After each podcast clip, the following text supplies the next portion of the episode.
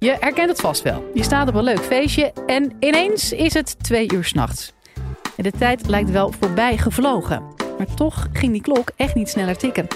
Professor Hedderik van Rijn van de Rijksuniversiteit Groningen doet onderzoek naar tijdsbesef.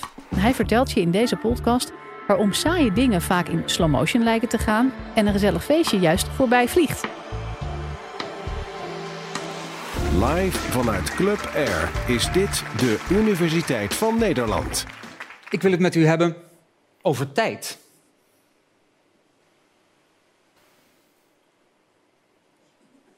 Over ongemakkelijke stiltes.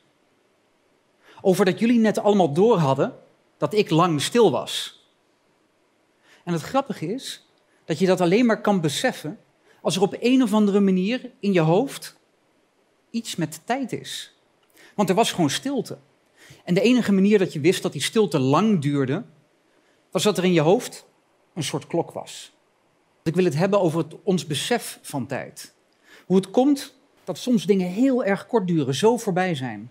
En soms dat dingen ellendig lang duren. Een voorbeeld daarvan is dat ik een aantal jaar geleden reed ik in Amerika over een weg. Het had voor het eerst gesneeuwd die nacht. Er lag echt een enorm pak sneeuw. En het was behoorlijk glibberig. Overal was de sneeuw al behoorlijk aangereden. En ik zag gelukkig in de verte dat de weg zwart werd. Eindelijk zou ik uit die glibberige sneeuwweg zijn. We rijden door, we komen op het zwarte terecht, maar het zwarte blijkt geen asfalt te zijn, maar een enorme ijsplaat. De auto begint te slippen, ik probeer hem onder controle te houden en het lukt niet en we glijden op de andere weghelft. En op die andere weghelft komt een enorme Amerikaanse truck op ons afgedenderd. Gelukkig glijden we door en belanden we in een greppel aan de andere kant van de weg. Als ik terugdenk aan dat moment, moet dat minimaal minuten hebben geduurd. Zo voelt het voor mij. Ik kan me al die momenten, 15 jaar nadat het is gebeurd, nog precies herinneren. En ik zat daar ook in die greppel en je hebt echt het idee dat dit een half uur was. Maar als ik er echt over terugdenk, weet ik dat het misschien 1, 2, 3 seconden was. Hoe kan het dat ons brein op zo'n rare manier met tijd omgaat? Ik ben cognitiewetenschapper en ik wil jullie in dit college graag meer vertellen over onze waarneming van tijd, maar ook hoe tijd van belang is voor een heleboel dingen in ons dagelijks leven. Wij zijn continu bezig met tijd. Ons lichaam vertelt ons wanneer we honger hebben. Op het moment dat ik iemand opbel, weet ik, als de telefoon een aantal keren is overgegaan, dat ik me beter kan opleggen, want die persoon is er waarschijnlijk niet.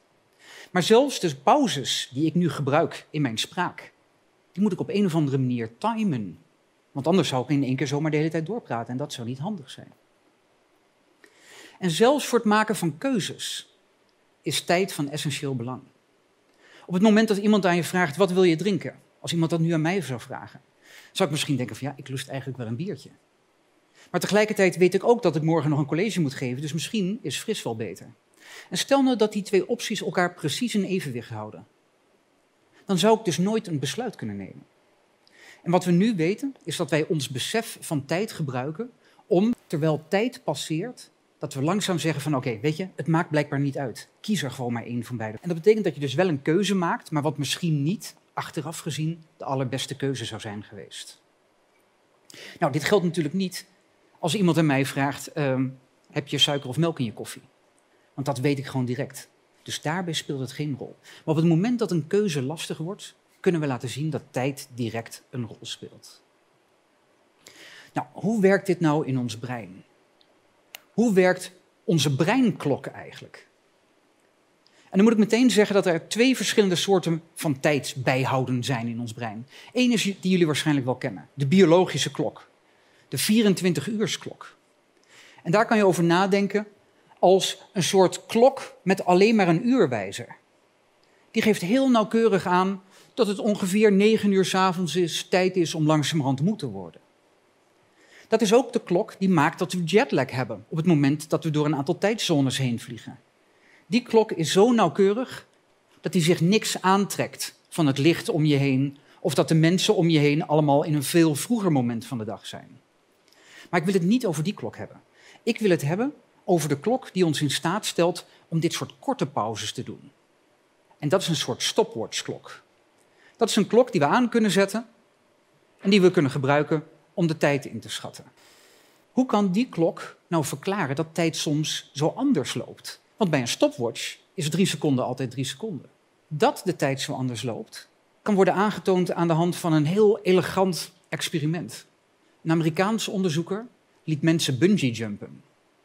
Die vroeg mensen om naar beneden te springen aan een lang koord en terwijl ze naar beneden sprongen bij te houden hoeveel tijd passeerde. En zoals je misschien al zou raden, gaven zij na afloop aan dat het als veel langer voelde dan dat het daadwerkelijk was. En dat gold zelfs voor hun vrienden die beneden stonden te kijken. Dus op het moment dat er een vorm van arousal is, op het moment dat je zeg maar heel veel spanning hebt, loopt blijkbaar die interne klok sneller. Hoe kunnen we dit nou uitleggen? Nou, daarvoor is het handig om als analogie aan een metronoom te denken. Een metronoom is de hele tijd aan het tikken. En het idee is nou dat iedere keer als zo'n metronoom tikt, er in feite een soort signaal naar je hersenen gaat dat een bepaalde hoeveelheid tijd voorbij is. Dus onze hersenen meten niet in seconden. Maar onze hersenen meten, zou je kunnen zeggen, in tikken van een soort interne metronoom. Nou, die metronoom die gebruiken we ook om de wereld waar te nemen. Terwijl ik hier sta en naar jullie kijk, neem ik beelden in mij op. En dat is ook het idee bij zo'n metronoom. Stel dat ik op vakantie ben in Schotland, in Edinburgh, en ik loop daar langs de burcht. Iedere zoveel seconden tikt die metronoom en maakt mijn hoofd een soort geheugentrace, een soort foto van wat ik op dat moment aan het zien ben. Ik neem al jarenlang dingen waar. En ik weet ook ongeveer hoe lang het duurt om bij wijze van spreken vijf foto's te maken. Ik heb ervaring met een gewone klok. Dus ik weet dat een gewone klok vijf minuten ongeveer overeenkomt met vijf foto's die mijn metronoom heeft gemaakt.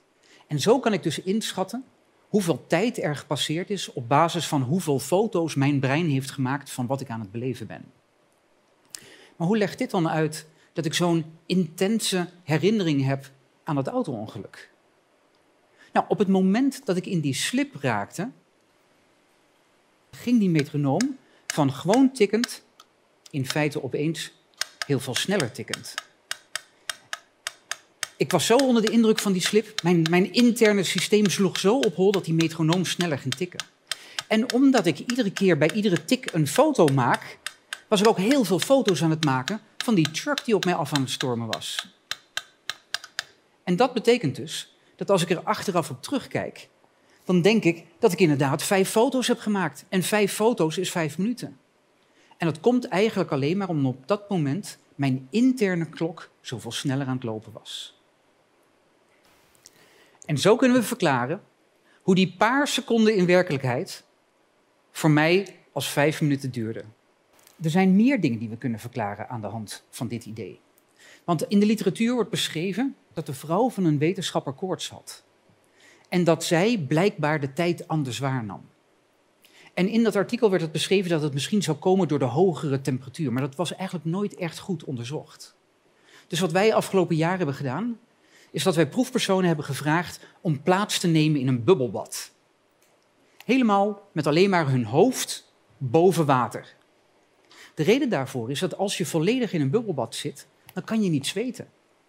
En dat betekent dus dat als wij de temperatuur van het water verhogen, wordt ook de core body temperatuur, de binnentemperatuur van je lijf hoger. En dat is natuurlijk in feite wat dat koortsidee is. Dus onze hypothese was dat als lichaamstemperatuur nou een effect heeft op tijdswaarneming, dan zou de interne klok sneller moeten lopen. En dat bleek ook. Als wij die proefpersonen vroegen om na een seconde op een knop te drukken, dan zagen we dat hoe hoger de temperatuur van het water was en hoe hoger hun lichaamstemperatuur was, hoe sneller ze drukten. Dus hun metronoom was in feite sneller aan het lopen. Maar mooier nog, was dat we ze ook zo'n soort taak gaven als van dat biertje en die fris. Dus een taak waarbij je niet goed kon kiezen tussen twee opties.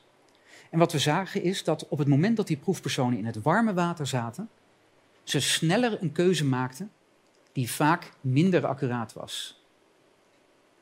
Nou, en dit kan je heel mooi generaliseren naar het, naar, om uit te leggen hoe het komt dat als het heel warm is, mensen vaak zo'n kort lontje hebben. Als het heel warm is, is onze core body temperatuur ook hoger. Niet heel veel, maar maar een heel klein beetje. Maar misschien is dat wel voldoende om op zo'n moment niet voldoende na te denken en te besluiten dat je je woorden maar inslikt en omdraait en de wijste bent. Maar dat je toch zegt wat je eigenlijk niet had moeten zeggen. En voordat je het weet een opstootje ontstaan is. Dus dit geeft aan dat de interne tijd direct een rol speelt in bijna alle aspecten van ons gedrag. Nou, ik heb het nu over die metronoom, over die metronoom als metafoor. Maar er is wel een probleem met die metronoom. Want die metronoom, daarvoor heb je een startsignaal nodig. Denk helemaal terug aan het, aan het begin van dit college, toen ik even stil was. Hoe wisten jullie dat jullie jullie klok aan moesten zetten? Dat weet je niet. Jullie zitten hier waarschijnlijk allemaal met bekenden. Die bekenden zitten naast jullie. En jullie hebben waargenomen dat een paar seconden of een paar minuten die bekende nog bewogen heeft, nog geademd heeft. Als iemand tien minuten niet beweegt of tien minuten niet ademt, dan is er een probleem. Dus dat betekent dat iedere keer als iemand ademt, moet je een klok aanzetten. Nou, dat betekent dat we tientallen, duizenden, misschien wel miljoenen klokken zouden moeten hebben. En dat kan natuurlijk niet. Daarom zijn we nu in mijn onderzoeksgroep bezig met een nieuwe theorie over timing. En het idee daarvan is dat we een soort snapshots van de wereld gebruiken en die gebruiken om tijd in te schatten. Het lijkt eigenlijk een beetje op het idee wat we eerder hadden. Op het moment dat we iets ervaren, maken we er bij wijze van spreken een soort foto van. En die foto slaan we op in ons geheugen. En al heel snel begint die informatie een beetje te vervagen. En ons idee is nou dat de hoeveelheid vervaging die er is, een indicatie is van hoeveel tijd verloren is gegaan. Hoeveel tijd het geleden is dat je dat in je geheugen hebt opgeslagen. Het lijkt een beetje op een ruïne. Stel dat er een kasteel is, dat kasteel wordt niet meer bewoond en vervalt langzaam tot een ruïne. De staat van die ruïne vertelt ons iets over hoe lang het geleden is dat de bewoners uit het kasteel vertrokken zijn. En dat is ook ons idee over hoe tijdwaarneming werkt zonder klok. Ieder geheugenspoor dat wij aanmaken kan gebruikt worden om in te schatten hoe lang geleden dat geheugenspoor is aangemaakt. Ja, en er is nog een ander aspect dat met geheugen te maken heeft. Wat heel belangrijk is voor timing of voor het waarnemen van tijd. En dat heeft te maken met iets wat heel veel mensen kennen, wat heel veel mensen ervaren. En dat is dat het wel lijkt alsof de tijd steeds sneller gaat naarmate je ouder wordt. Maar ook bijvoorbeeld dat als je terugdenkt aan de eerste weken of de eerste dagen van een relatie, en je denkt erover terug na een aantal jaar, dan voelt dat vaak als maanden, als een hele lange, intense periode. Hoe komt dat? Nou, dat heeft heel veel te maken met het idee dat we dingen opslaan in ons geheugen. We herinneren ons die eerste weken van een relatie omdat er allemaal nieuwe dingen gebeurden. Er waren allemaal nieuwe dingen die we opsloegen. Terwijl als ik nu aan het eind van een jaar terugdenk over wat, wat er is gebeurd op mijn werk of in mijn huis, dan is het zo'n beetje van ja, diezelfde collega vertelt nog steeds dezelfde flauwe grappen. De auto heeft twee keer nieuwe banden gekregen en dat was het wel zo'n beetje. Er gebeurt eigenlijk niks meer. Terwijl mijn zesjarige zoontje, die nu net in groep drie zit, die komt op een dag thuis en die heeft weer een nieuwe letter geleerd. Die heeft geleerd dat hij nu ook boven de twintig kan rekenen. Die heeft geleerd dat er allemaal nieuwe sociale verbanden zijn die van belang zijn. Iedere dag is voor hem een wonder. Iedere dag gebeuren er nieuwe dingen. Dus als hij terugkijkt op zo'n jaar, is er gewoon heel erg veel gebeurd. En dat maakt dat voor mij een jaar omvliegt, want er gebeurt eigenlijk heel weinig nieuws. Terwijl voor jonge kinderen er heel veel nieuwe dingen gebeuren en daarom die jaren zo lang duren. Zo prachtig gevuld zijn met mooie dingen. Dus wat is de wijze les hieruit? Nou ja, of weer verliefd worden, of andere dingen gaan doen. Desnoods een cursus spotten bakken. Iets gaan doen wat je niet eerder hebt gedaan, wat leidt tot nieuwe geheugensporen. Ik wil nog één ding bespreken. En dat ene ding heeft eigenlijk te maken met, nou, waarom duren die oncomfortabele stiltes nou zo lang? En daarvoor moet ik nog één aspect uitleggen dat ik het makkelijkst kan uitleggen aan de hand van die metronoom-metafoor. Want wat ik jullie zei is dat iedere keer als die metronoom tikte, dat we een soort foto namen. Maar eigenlijk is dat niet helemaal accuraat. Want er is ook nog zoiets als de aandachtspoort. Het idee is dat op het moment dat die metronoom aan het tikken is, we alleen maar een foto nemen van een scène op het moment dat een soort zoeklicht gericht is op die metronoom. Als we echter met onze aandacht ergens anders zijn, dan nemen we geen foto.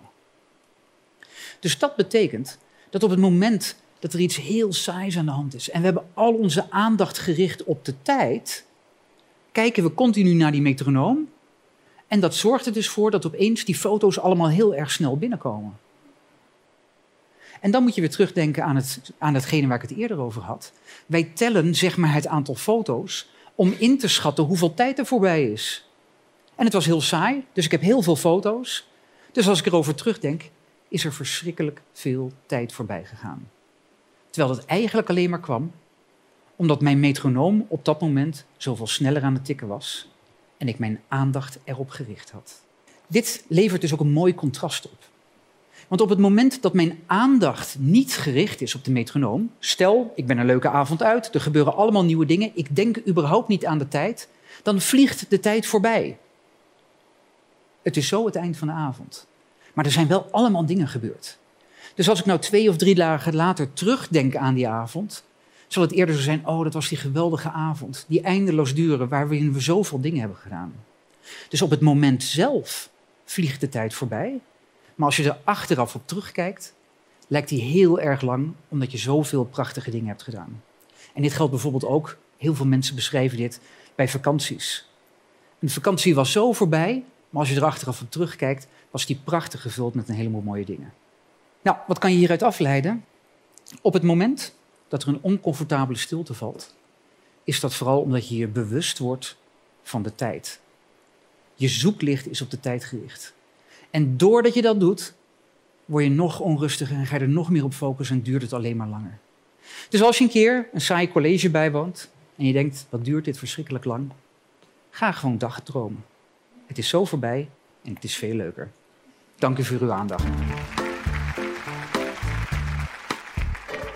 Wil je nou meer afleveringen van de Universiteit van Nederland horen? Check dan de hele playlist en ontdek het antwoord op vele andere vragen.